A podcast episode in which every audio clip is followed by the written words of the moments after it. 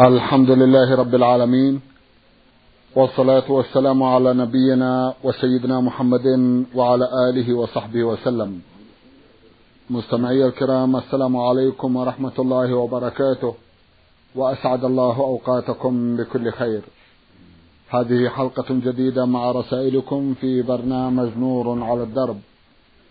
رسائلكم في هذه الحلقة نعرضها على سماحة الشيخ عبد العزيز بن عبد الله بن باز. الرئيس العام لإدارات البحوث العلمية والإفتاء والدعوة والإرشاد. مع مطلع هذه الحلقة نرحب بسماحة الشيخ ونشكر له تفضله بإجابة السادة المستمعين. فأهلا وسهلا بالشيخ عبد العزيز. حياكم الله. حياكم الله. أولى رسائل هذه الحلقة رسالة وصلت إلى البرنامج من السودان وباعثها أحد الإخوة يقول يوسف الطاهر عبد البنات. أخونا يوسف له رسالة مطولة فيها سؤالان. سؤاله الأول مطول أيضا ملخصه أنه حفر بئر. وفجأة بدأ الناس يتبركون بهذه البئر ويتعالدون من مياهها. ويسأل الآن سماحة الشيخ هل عليه إثم في ذلك أو لا. بسم الله الرحمن الرحيم. الحمد لله وصلى الله وسلم على رسول الله. وعلى آله وأصحابه ومن اهتدى بهداه. أما بعد فإذا كانت البئر المذكورة فيها ماء ينفع من بعض الأمراض وحصل تجارب بذلك ولا وانتفع الناس بها فلا بأس بذلك. لكن يعلمون ويوجهون أن البرء من الله والشفاء من الله وأن هذه الماء جعل الله فيه بركة ينفع الناس من مرض كذا أو مرض كذا. كما جعل الله في زمزم بركة ينفع الله بها عباده في أشياء كثيرة سبحانه وتعالى. والله جعل في بعض المخلوقات خصائص تنفع في بعض الأمراض فلا يضر ذلك. لكن يعلم الجاهل انها ليس عندها بركة إنما هذا خاصة فيها جعله الله في هذا الماء ينفع من كذا أو من كذا يبين له أنها تنفع من كذا وكذا بالتجارب وأما طلب البركة منها فالبركة من الله لا يطلب منها بركة ولكن تطلب البركة من الله والشفاء من الله سبحانه وتعالى. هو الذي يشفي وهو الذي يعطي البركة جل وعلا. سبحانه ولكن بعض المخلوقات تنفع كما ينفع.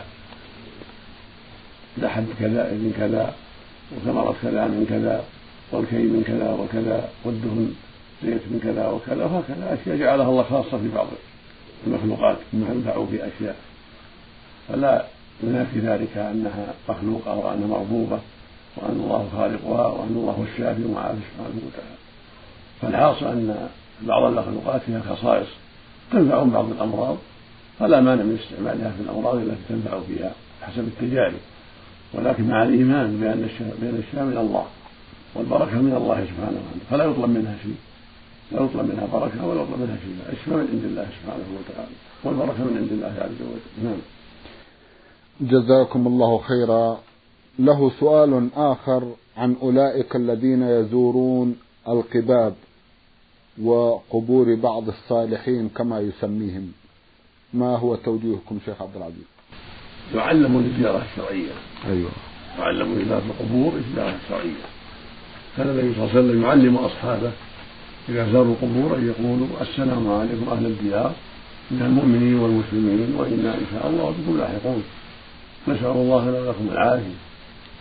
وفي حديث آخر قال السلام عليكم. دار قوم وإنا إن شاء الله بكم لاحقون غدا مؤجلون وآتاكم ما توعدون. اللهم اغفر لأهل بقيع غرقت وفي حديث آخر قال عليه الصلاة والسلام يرحم الله المستقيمين منا والمستأخرين. يغفر الله لنا ولكم. أنتم سلفنا وفي الأثر هذا هو أشباه يدعى به الموتى. أما وضع القباب على قبور أو مساجد فلا يجوز. يقول النبي صلى الله عليه وسلم لعن الله اليهود والنصارى اتخذوا قبور انبياء المساجد ويقول صلى الله عليه وسلم لعلي رضي الله عنه لا تدع صورة إلا طمستها ولا قبرا مشرفا إلا سويته. وصح عنه عليه الصلاة والسلام حديث جابر عند مسلم في صحيحه أنه نهى عليه الصلاة والسلام عن تجسيس القبور والقعود عليها والبناء عليها. القبور لا يبنى عليها بنص النبي عليه الصلاة والسلام. ولا يتخذ عليها مساجد ولا قباب ولا تيصص ولا يقعد عليها وتمتهن. كل هذا ممنوع. ولا تكسى بالستور. كل هذا ممنوع. وإنما يرفع القبر عن قدر شبر تقريبا. يعرف أنه قبر حتى لا يمتهن ولا يوقف. فالمؤمن يبلغ إخوانه ويعلمهم هكذا طالب العلم هكذا العلماء يعلمون الناس ما شرعه الله. والمؤمن يتعلم من العلماء ويعلم يأتي القبور يقول لهم إن الزيارة الشرعية كذا وكذا أما بناء القبور أو سؤال الميت أو التبرك بتراب القبر أو تقبيل القبر أو الصلاة عنده كل هذه من البدع. لا يصلى عند القبور ولا تتخذ محلا للدعاء تقصد للدعاء عندها. ولا قراءة عندها كل هذا من البدع. كذلك طلب البركة منها أو الشفاعة منها أو الشفاء هذا من أنواع الشرك الأكبر. إذا قال يا سيدي فلان اشفع لي من الله. يقول للميت أو انصرني أو اشف مريضي هذا لا يجوز. لأن الميت انقطع عمله بعد موته. نعم. إلا من ثلاث صدقة جارية أو علم ينتفع بها ولد صالح يدعو له. أما أنه يطلب منه شفاء المرضى أو النصر على الأعداء أو الشفاعة يرى في كذا هذا قد انقطع. لا يجوز طلبه منه بل يطلب من الله سبحانه وتعالى. اللهم اشفني اللهم أعطني كذا اللهم شف في أنبياءك اللهم شف في نبيك محمد صلى الله عليه وسلم اللهم شف في أمراضي اللهم شف في الملائكة والمؤمنين. هذا لا بأس به. تطلب من الله جل وعلا. فالخلاصة أن المسلمين ينصح بعضهم بعضا ويعلم بعضهم بعضا بأمر الشرع. والعلماء عليهم بيان ذلك وتوجيه عامة لما شرع الله سبحانه وتعالى ومن ذلك أن يعلموا الزيارة الشرعية للقبور التي جاءت في الأحاديث عن رسول الله عليه الصلاة والسلام والتي تقدم بيانها. ويعلمون أنه لا يجوز البناء على القبور لا قباب ولا مساجد ولا أبنية أخرى ولا تجصص ولا يقعد عليها ولا تتخذ محلا للدعاء عندها أو الصلاة عندها أو القراءة عندها. هذه من البدع التي هي من وسائل الشرك. الصلاة عندها والقعود عندها للدعاء أو القراءة هذه من وسائل الشرك من البدع. أما دعاء الميت والاستغاثة بالميت والنذر له والذبح هذا من الشرك الأكبر نعوذ بالله. من عمل الجاهلية. نعم. جزاكم الله خيرا. شيخ عبد العزيز إذا تسمى الإنسان باسم واكتشف أنه اسم غير شرعي ما هو توجيهكم؟ جزاكم الله خيرا.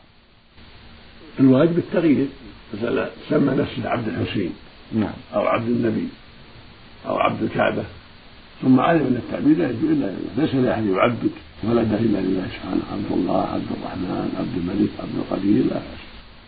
يغير هذا الاسم عليه يغير. طيب. يغير اسم عبد الحسين أو عبد النبي أو عبد الكعبة أو نحو ذلك يغير إلى عبد الله أو عبد الرحمن أو إلى محمد أو أحمد أو صالح أو نحو ذلك. الأسماء الشرعية. طيب. هذا الواجب. والنبي صلى الله عليه وسلم غير أسماء كثيرة. اللهم صل على غير أسماء كثيرة. نعم.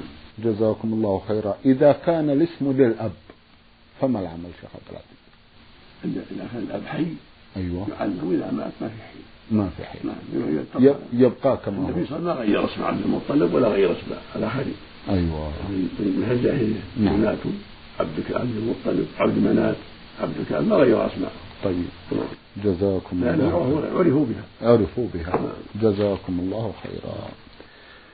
ننتقل إلى رسالة وصلت من الرياض وباعثتها إحدى الأخوات المستمعات هي با عين أختنا لها عدد من الأسئلة ولها مقدمة طويلة بلغت صفحة من رسالتها كلها ثناء وتقدير على أصحاب الفضيلة المشاركين في هذا البرنامج.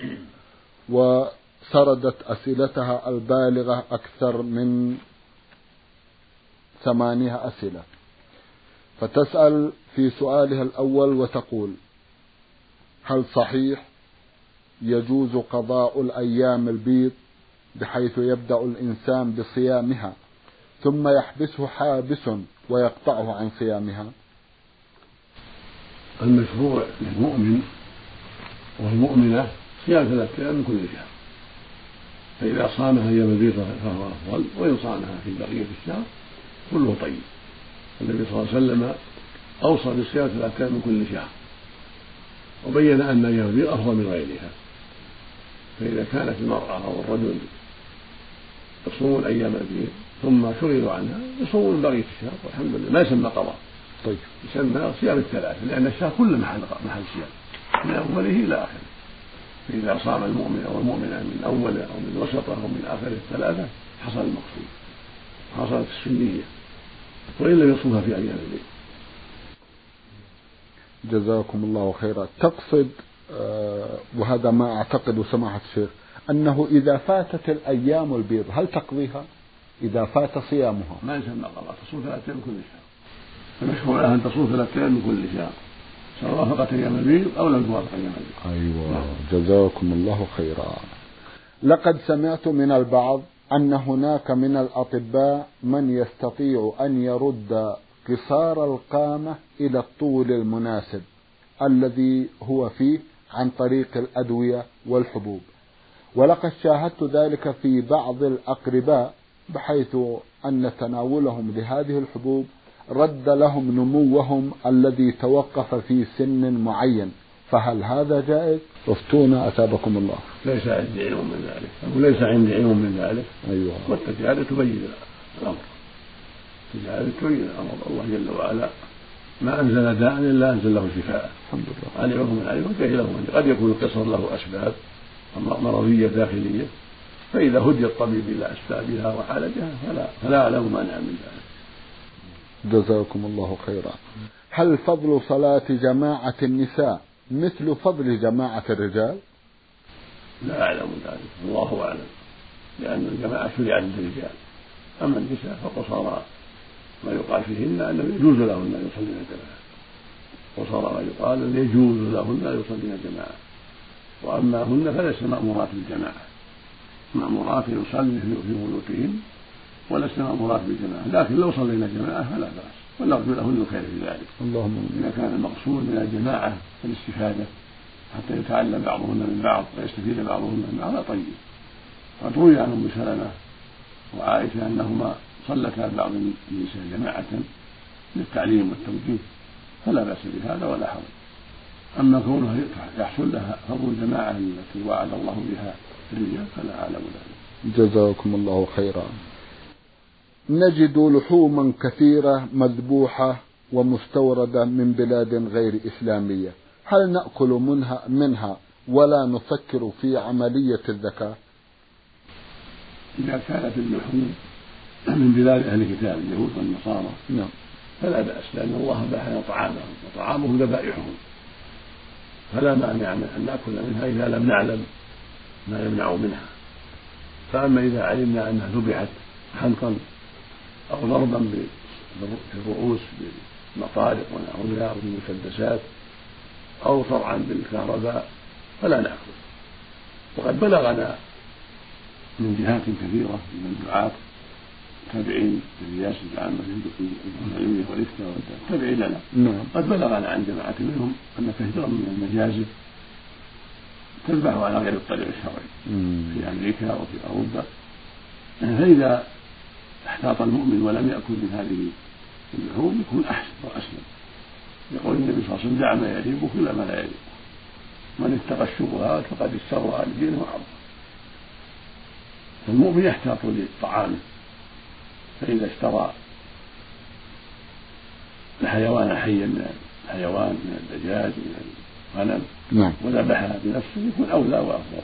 أو اشترى من جزارين معروفين. يذبحون على الطريقة الشرعية يكون هذا خيرا له وأحوط له. من اللحوم المستوردة التي قد تكون من مجازر غير سليمة. أما التحديد فلا يحرم إلا بدليل إلا بيقين. طيب. لكن هذا من باب درء المشتبه من باب ترك المشتبه جزاكم الله خيرا. إذا كانت أغلفة هذه اللحوم سماحة الشيخ مكتوب عليها مذبوح على الطريقة الإسلامية ولو كتب عليها ولو كتب. لأنه قد يتساهلون بهذا. يرجون بضائعهم بهذه الكتابات.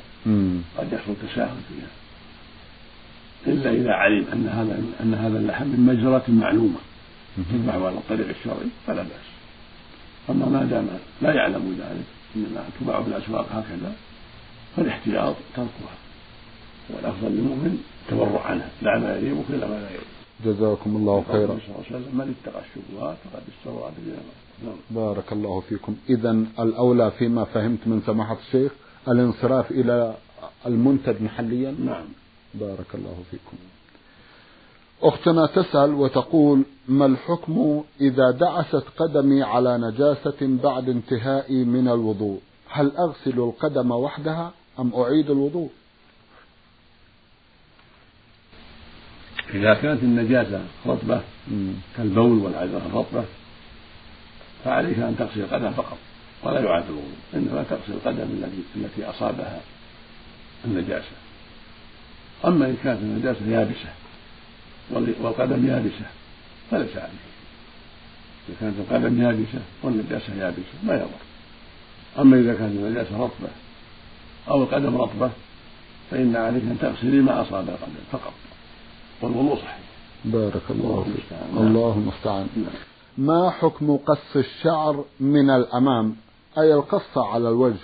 لأني سمعت أن في ذلك تشبها باليهود والنصارى. وهل إذا كانت نيتي صالحة في التجمل وليس إلى التشبه سبيل لأن الأعمال بالنيات فهل أكون آثما؟ قص الشعر إذا كان لمصلحة وليس في تشبه بالكافرات لا بأس. وإذا كان لها زوج لابد من مراعاة رضاه. أيوة. أما إذا كان قصد تشبه بالكافرات فلا يجوز لقوله صلى الله عليه وسلم شبه بقوم فهو منهم. وقد ثبت عن أمهات المؤمنين أزواج النبي صلى الله عليه وسلم أنهن بعد وفاته قصصن من رؤوسهن للتخفيف. نعم جزاكم الله خيرا. يا أختنا في الله باعين من الرياض سنعود إلى بقية أسئلتك في حلقة قادمة إن شاء الله تعالى لنتيح الفرصة أمام رسائل أخرى وأسئلة أخرى للمستمعين الكرام. فهذه رسالة وصلت إلى البرنامج من جمهورية مصر العربية وباعثها أخ لنا من هناك يقول المرسل سالم ألف نون من شبرا. يسأل فيقول هناك بعض الأحاديث النبوية المطهرة تنهى عن الأكل والشرب واقفا. وهناك أيضا بعض الأحاديث تسمح للإنسان بالأكل والشرب واقفا. فهل معنى ذلك أننا لا نأكل ولا نشرب واقفين؟ أم نأكل ونشرب جالسين؟ وأي الأحاديث أجدر بالاتباع؟ كل الأحاديث الواردة فيها صحيحة. جاء عنه صلى الله عليه وسلم النهي عن الشرب قائما والأكل مثل ذلك وجاء عنه صلى الله عليه وسلم أنه شرب قائما. فالأمر في هذا واسع وكلها صحيحة والحمد لله. فالنهي عن ذلك للكراهة فإذا احتاج الأكل واقفا أو الشرب واقفا فلا حرج وقد ثبت عنه أنه شرب قائما وقاعدا فإذا احتاج الإنسان إلى ذلك فلا حرج أن يأكل قائما ويشرب قائما وإن جلس فهو أفضل وأحسن. وثبت عنه صلى الله عليه وسلم أنه شرب من زمزم واقفا واقفا عليه الصلاة والسلام. وثبت عنه من حديث علي أنه صلى الله عليه وسلم شرب قائما وقاعدا فالامر بهذا واسع. فالشرب قاعدا والاكل قاعدا أفضل وأهدى. وإن شرب قائما فلا حرج أو اكل قائما فلا حرج والحمد لله. جزاكم الله خيرا. مستمع بعث برسالة يقول فيها بلغني أن بعض المرضى والنساء يبادرون بإقامة صلاة الظهر يوم الجمعة عند سماع النداء الثاني وحيث أن أكثر خطباء الجوامع يبدأون بخطبة الجمعة بعد رفع النداء الثاني وذلك قبل دخول وقت الظهر بعشرين أو خمس عشرة دقيقة. فآمل من سماحتكم توجيه الناس. جزاكم الله خيرا. الواجب على النساء والمرضى الذين يصلون في البيوت أو في المستشفيات ألا يعجلوا حتى يتحققوا دخول الوقت يوم الجمعة وكذلك بقية الأيام. وعندهم التقاويم التي اصدرت الأوقاف في إمكانهم الاستفادة منها. ولا سيما يوم الجمعة فإن بعض الخطباء قد يدخل في المسجد الخطبة ويبدأ بها قبل الوقت قد يتساهل. مع أنه ينبغي للخطباء ألا يبدأوا إلا بعد الزوال وألا يؤذن للجمعة إلا بعد الزوال كما هو قول جمهور أهل العلم. أكثر العلماء على أن الخطبة تكون بعد الزوال ولا تصح قبل الزوال. فينبغي للخطباء أن يحتاطوا لدينهم وأن يحتاطوا لإخوانهم المسلمين فيكون الدخول والصلاة بعد الأذان. يأتي إلى الجمعة بعد الزوال يأتي إلى الجمعة بعد الزوال. والساعات موجودة ومتوفرة والحمد لله.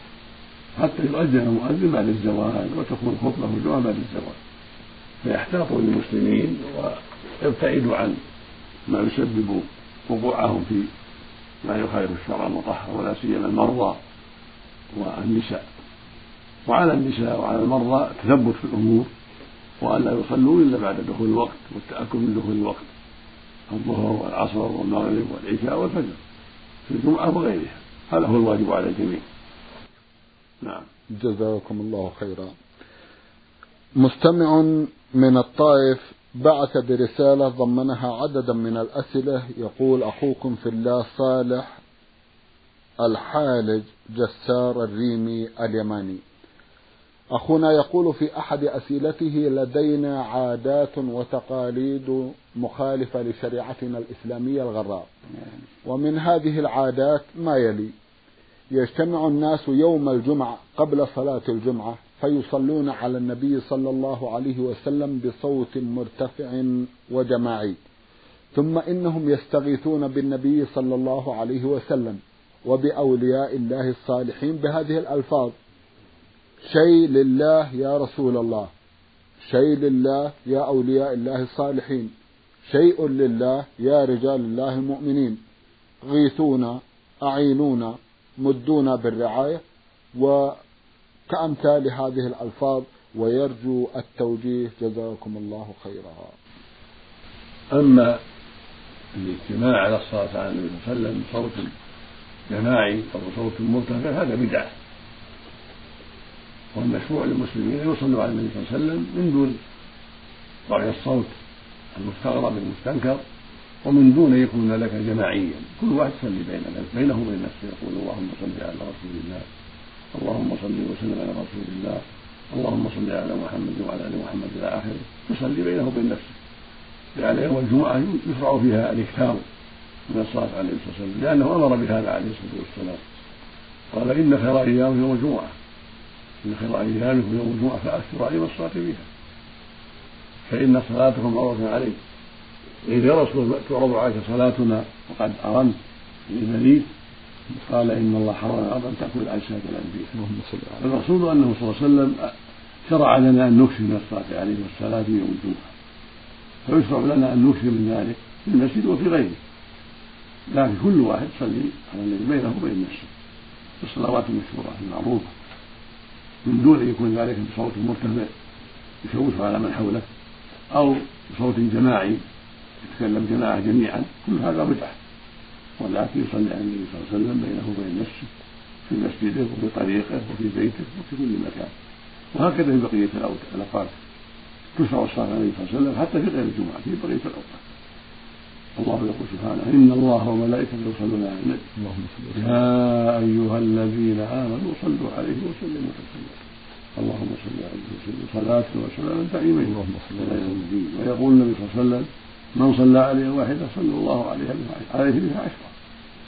فأنا وأنت والآخر والآخر كلهم منا مشروع لا يصلي عليه. اللهم صل عليه للرجال والنساء جميعا.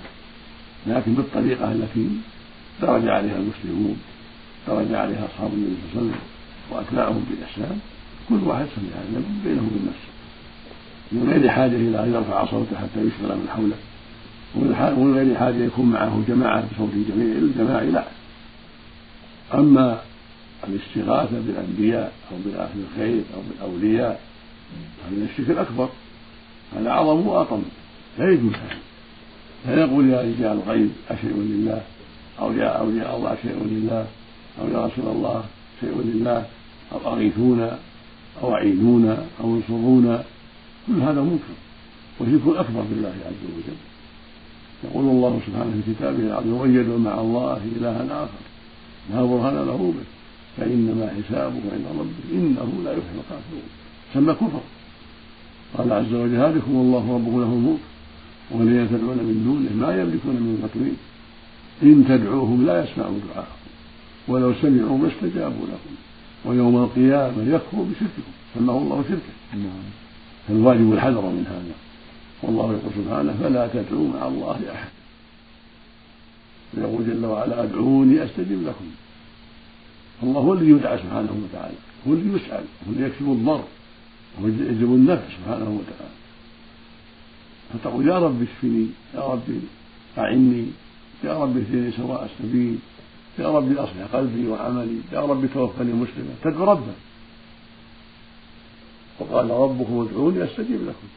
فيقول سبحانه واسألوا الله من فضله ويقول, ويقول جل وعلا وإذا سألك عبادي عني فإني قريب أجيب دعوة الداعي إذا دعان ويقول النبي صلى الله عليه وسلم الدعاء هو العبادة. فالواجب على المسلمين رجالا ونساء الإكثار من الدعاء. والحرص على الدعاء دعاء الله جل وعلا والضراعة إليه في جميع الحاجات سبحانه وتعالى. أما دعاء الأنبياء أو الأولياء أو غيرهم من الناس عند قبورهم أو في أماكن بعيدة عنهم فكل هذا منكر. كله شرك بالله عز وجل وكفر أكبر يجب الحذر منه. كهذا الذي ذكره السائل يا عباد الله يا أنبياء الله يا نبي الله أعينونا أغيثونا صورونا هذا كله من الشرك الأكبر. قال الله جل وعلا إن الشرك لظلم عظيم. ويقول سبحانه ولو أشركوا لحبط عنهم ما كانوا يعملون. ويقول جل وعلا يخاطب نبيه محمد صلى الله عليه وسلم. ولقد أوحي إليك وإلى الذين من قبلك لئن أشركت ليحبطن عملك ولتكونن من الخاسرين. فالأمر عظيم. ويقول سبحانه ولو أشركوا لحبط عنهم ما كانوا يعملون. فالواجب الحذر. والواجب على كل مسلم وكل من ينتسب الإسلام وكل مكلف أن يعبد الله وحده. ويخصه بالعبادة دون كل ما سواه. وقضى ربك ألا تعبدوا إلا إياه. إياك نعبد وإياك نستعين. فلا تسأل نبيا ولا وليا ولا شجرا ولا حجرا ولا صنما ولا غير ذلك. لا تسأل حاجة من نصر ولا شفاء مريض ولا غير ذلك. بل اسأل الله سبحانه حاجتك كلها. هذا هو توحيد الله وهذا هو الدين وهذا هو الإسلام. أن توجه إلى الله بسؤالاتك وحاجاتك وأن تعبده وحده بدعائك وصلاتك وصومك وسائر عباداتك أما المخلوق وإن كان عظيما كالأنبياء لا يدعى من دون الله ولا يستغاث به ولا ينذر له ولا يذبح له. فعلى المسلم أن يفهم هذا جيدا على كل إنسان يفهم هذا جيدا وأن يعلم أن هذا أمره عظيم وأن أصل دين الإسلام وقاعدة دين الإسلام إخلاص العبادة لله وحده. وهذا هو معنى لا إله إلا الله. فإن معناها لا معبود حق إلا الله. فالله سبحانه هو الذي يدعى يسأل كما قال عز وجل وإلهكم إله واحد لا إله إلا هو الرحمن الرحيم. إنما إلهكم الله الذي لا إله إلا هو وسع كل شيء علما. فالخطأ في هذا أمر عظيم جدا لا يجوز التساهل به. لأنه شرك الجاهلية شرك المشركين الأولين. لأنه ضد ضد الإسلام ضد لا إله إلا الله. فالواجب الحذر من هذه الشركيات.